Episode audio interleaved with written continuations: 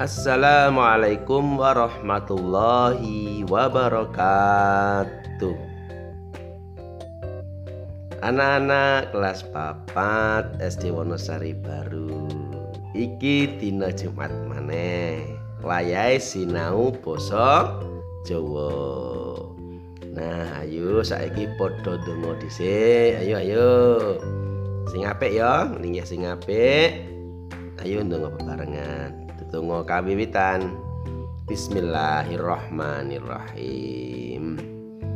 Lah, ana ing dina iki ayo saiki padha sinau geguritan. Lah geguritan iku apa, Rata? Lah, menawa ing basa Indonesia iki ana pelajaran bab puisi. Nah, geguritan iki ya padha karo puisi.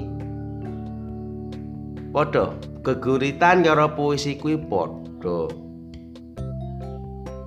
Dadi geguritan iku mau wujude syair utawa tembang sing ora nganggo paugeran utawa patokan. Dadi ora ana aturan sing gumathok iki ora ana. Beda karo tembang macapat. Nek tembang macapat ya ana guru lagu, guru wilangan, gotrone pira diatur. Lah nek geguritan ora ana aturan sing gumathok. Mulane sapa wae mesti iso gawe geguritan. Setan. Ya ki mau. Mergane apa? Ora nganggo paugeran, ora ana aturane. Bebas. Lah anak-anak perlu dingerteni ya.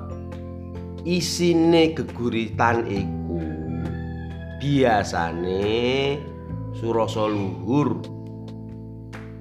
Kanthi geguritan iku mau sapa wae sing maca? Sapa wae sing ngrungokne? Bakal nemoni surasa luhur iku mau. Lah terus kepiye carane gawe geguritan iki?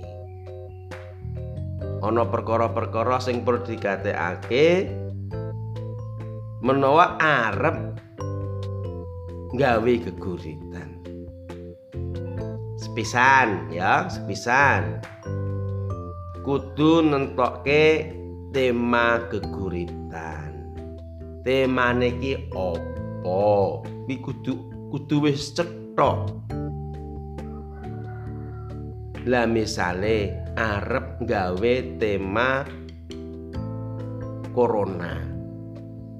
Ya kudu sing pas temane kuwi isine di gawe sing padha karo temane. Utawa temane ngajak ngibadah. Utawa temane ngajak resik-resik omah. Utawa temane ngajak sinau sing sregep. Lagi kudu cetha dhisik. Temane ki apa? Nah kuwi kuncine arep gawe geguritan Lah terus sakwise nemtokke temane.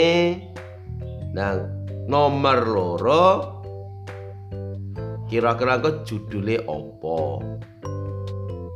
Temane wis cetha terus iku dikeki judul apa sing kepenak. Nomor telu langsung ki apa? Langsung milih tembung sing mentes. Tembung sing mentes ki kira-kira apa? Lah nah kira-kira nek bab corona ki tembunge iki iki iki iki apa? Nek ngajak ibadah ki tembunge apa wae? Digoleke diklumpukke dhisik tembung-tembung sing kira-kira dibutuhke. Lah sing nomor papat lagi ngrakit ukara kang ana bobot kasusastrane. Ukara sing ana bobot kasusastran. Artine kepiye? Kok nek diwaca ki kepenak dirungokke ngono.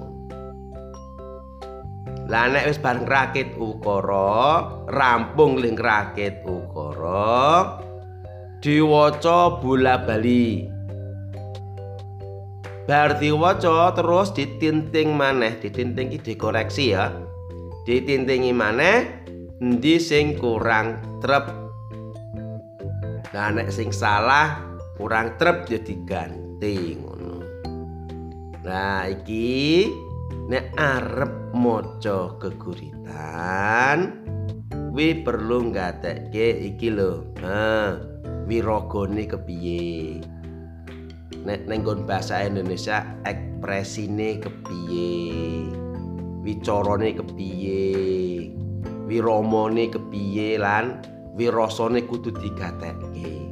Wiraga wicara wirama lan wirasa kuwi kudu di gatekke nalika arep maca geguritan.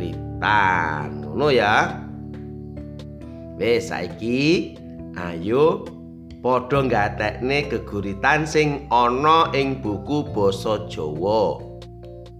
Eh nang kaca 15 kae ya coba didelok.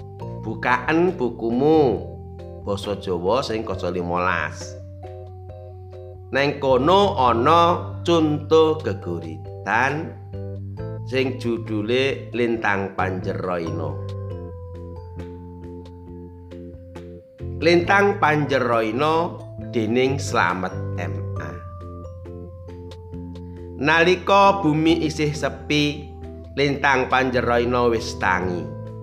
Menehi pepadang sagunging dumadi kang wiwit gumregah ngupaya rejeki. Para among tani wis ndalitir mercaki galengan. Mbok bakul sinambiwara wis sengkut makarya. Para ngulama tumukul mangestu puja, para santri wiridan ngaji. Jago kluruk sesautan melu tasbih marang pangeran. Dunya wis gagat roino maringi kalodhangan jan mau ngupadi pangupa jiwa.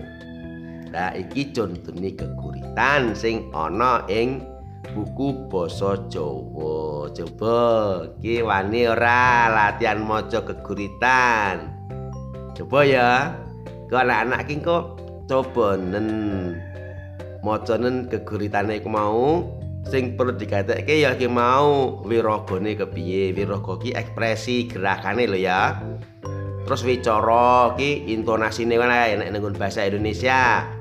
wirama ki iramane kepiye lan wirasa. Maca geguritan kuwi kudu nganggo perasaan.